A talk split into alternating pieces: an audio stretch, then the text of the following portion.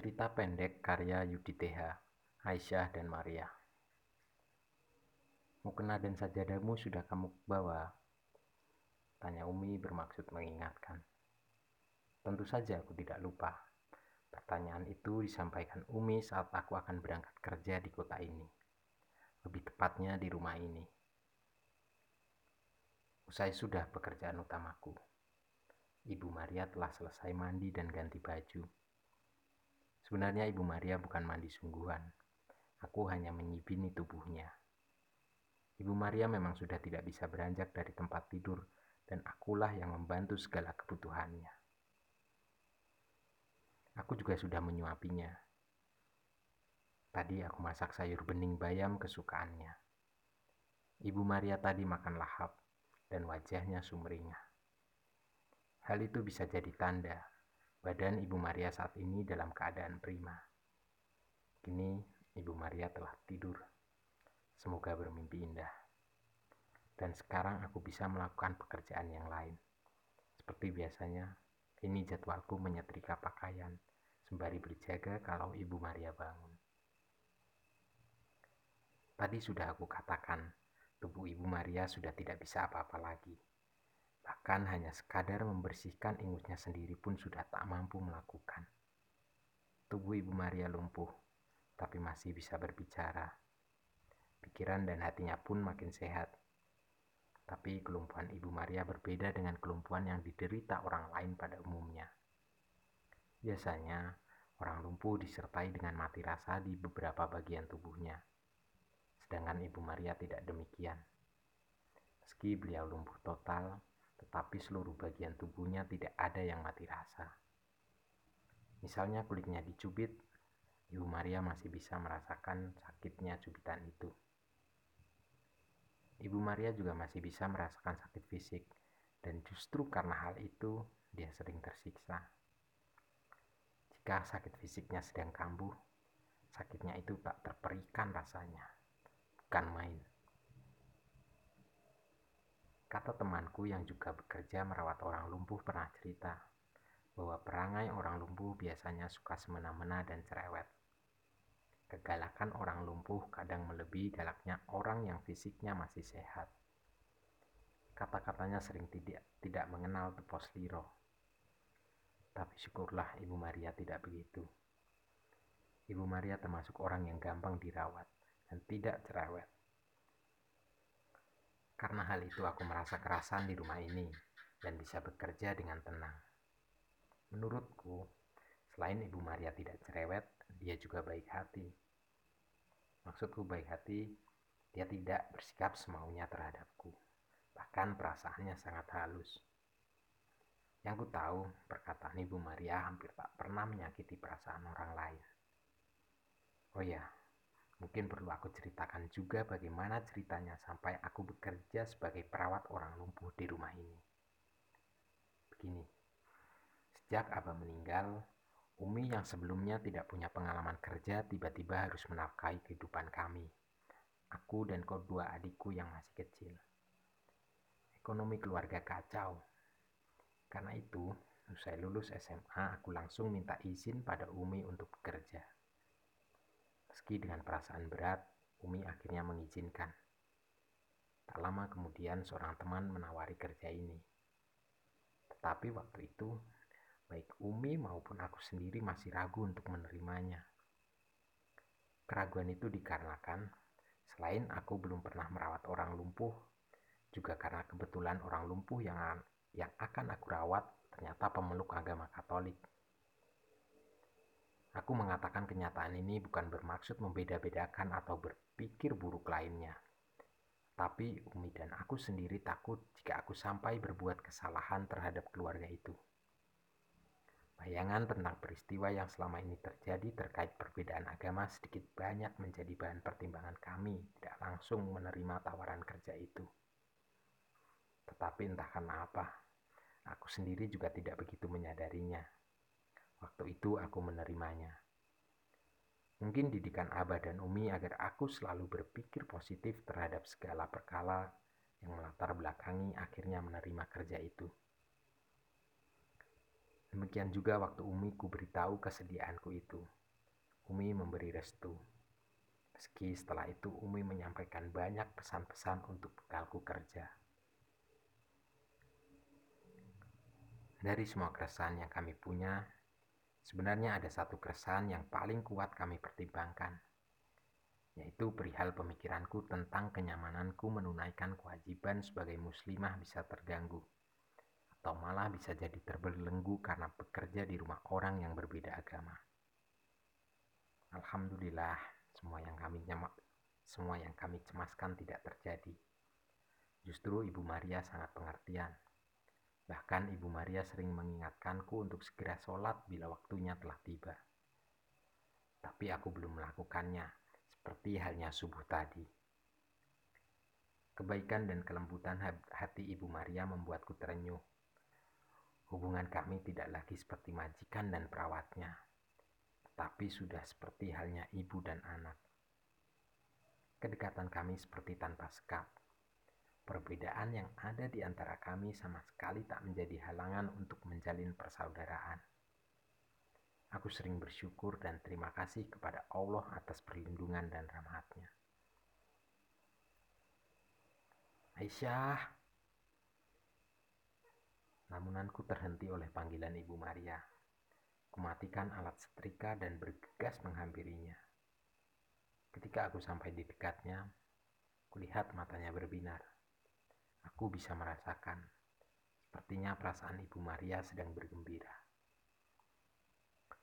Besok hari raya Natal, kata Ibu Maria. Sebenarnya sepekan lalu Ibu Maria sudah menyampaikan hal itu dan mungkin perkataannya tadi untuk mengingatkanku agar membantu dan menyiapkan segala keperluannya dalam menyambut hari raya itu.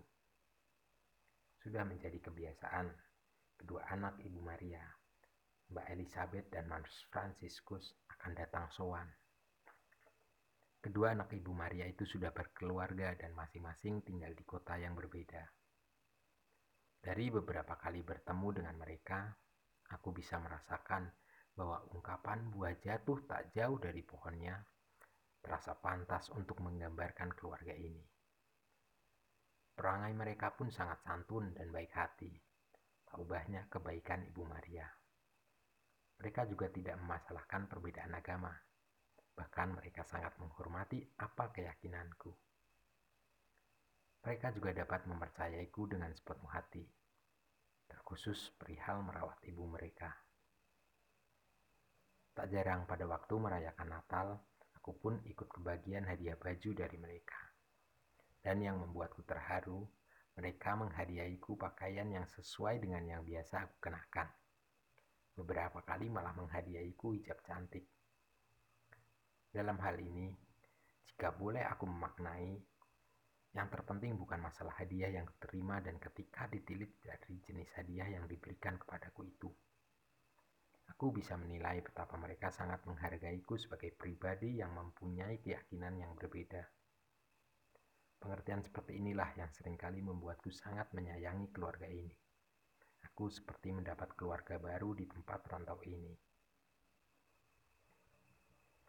Biasanya Mbak Elizabeth dan Mas Franciscus sowan ibunya setelah lebih dulu mereka merayakan ibadat Natal di gereja kota mereka masing-masing. Sedangkan Ibu Maria Sejak mengalami kelumpuhan, sudah tidak lagi pergi ke gereja, baik sendiri maupun bersama dengan anak-anaknya. Hal itu bukan karena Ibu Maria malas pergi ke gereja untuk melainkan karena alasan sakit itu.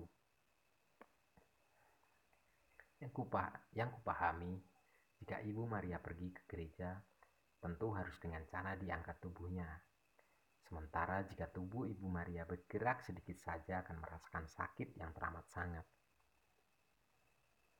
Oleh karena itu pula dalam aku merawatnya, sebisa mungkin tidak membuatnya banyak melakukan gerakan.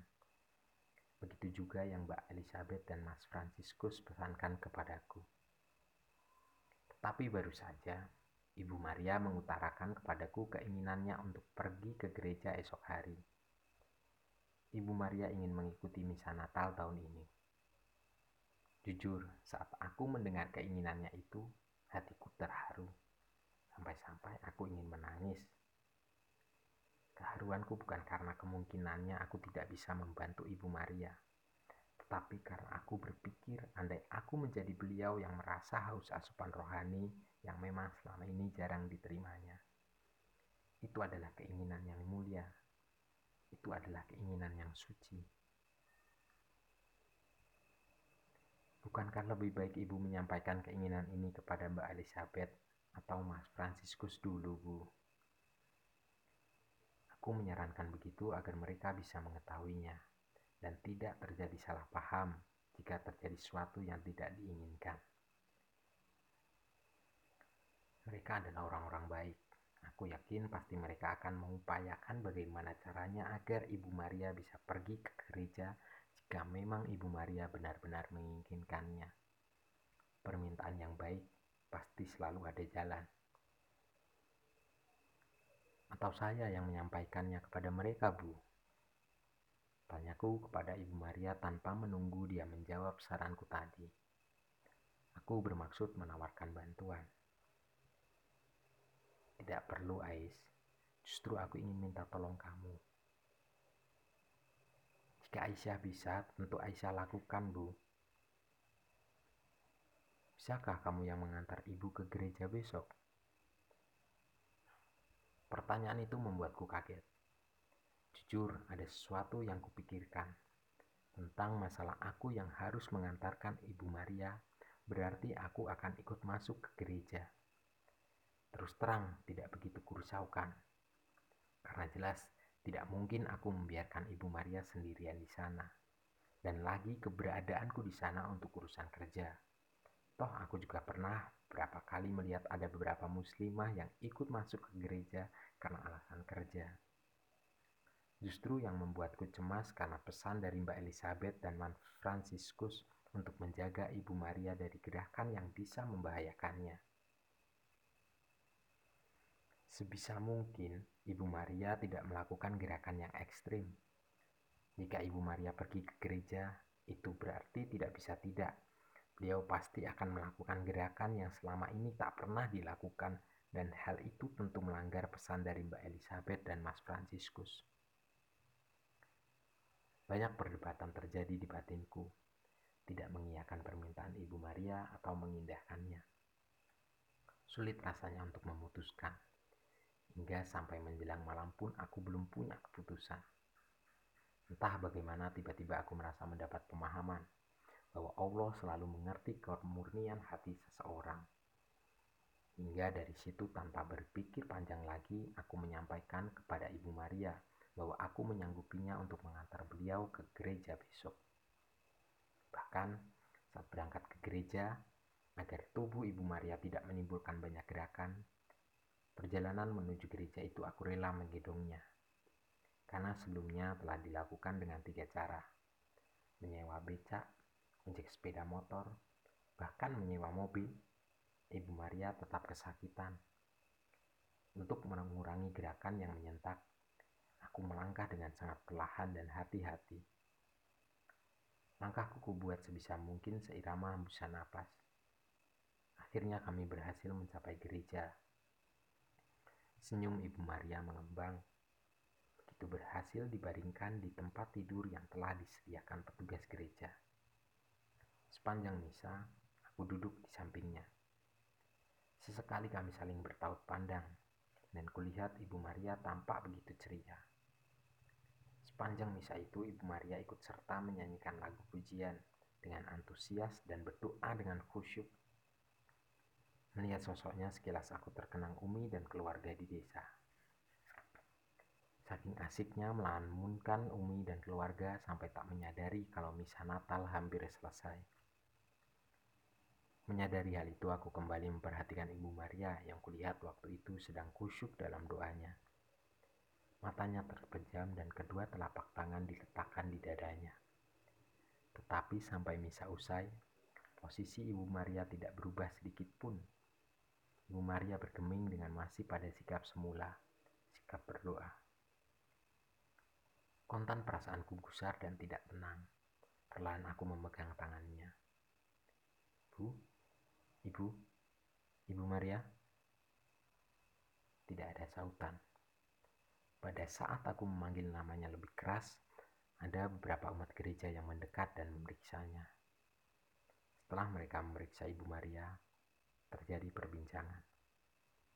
Dari perbincangan yang kudengar itu, sekilas aku menangkap pengertian bahwa Ibu Maria telah berpulang. Aku mendekati Ibu Maria. Aku peluk tubuh Ibu Maria. Aku menangis histeris, tak peduli keadaan sekitar. Kesedihanku saat itu seketika menangis. Selesai upacara pemakaman, aku masih belum mau beranjak dari kuburnya. Tangisku masih tak mau berhenti Air mataku juga belum berhenti keluar. Selain itu, di hatiku terbersit perasaan gelisah. Aku khawatir jika nantinya aku dianggap sebagai penyebab kematian Ibu Maria oleh Mbak Elizabeth dan Mas Franciscus. Terlebih di rumah tadi aku sempat mendengar perdebatan kecil mereka. Dan aku memang merasa dirikulah sumber pertengkaran itu. Perasaanku tidak menentu. Saat perasaanku masih kalut, Tiba-tiba aku merasakan ada dua tangan memegang pundaku. Aku tengada dan melihat dengan mataku yang penuh air mata. Ternyata Mbak Elizabeth dan Mas Franciscus telah berdiri di dekatku. Kamu tidak bersalah, Ais. Justru kami sangat berterima kasih kepadamu. Sebagai anak kami yang kurang peka, apa yang kamu lakukan begitu mulia. Mendengar Mbak Elizabeth berkata begitu, sedetik kemudian aku berdiri dan menenggelamkan diriku dalam pelukannya dengan tangis yang menjadi-jadi. Selesai.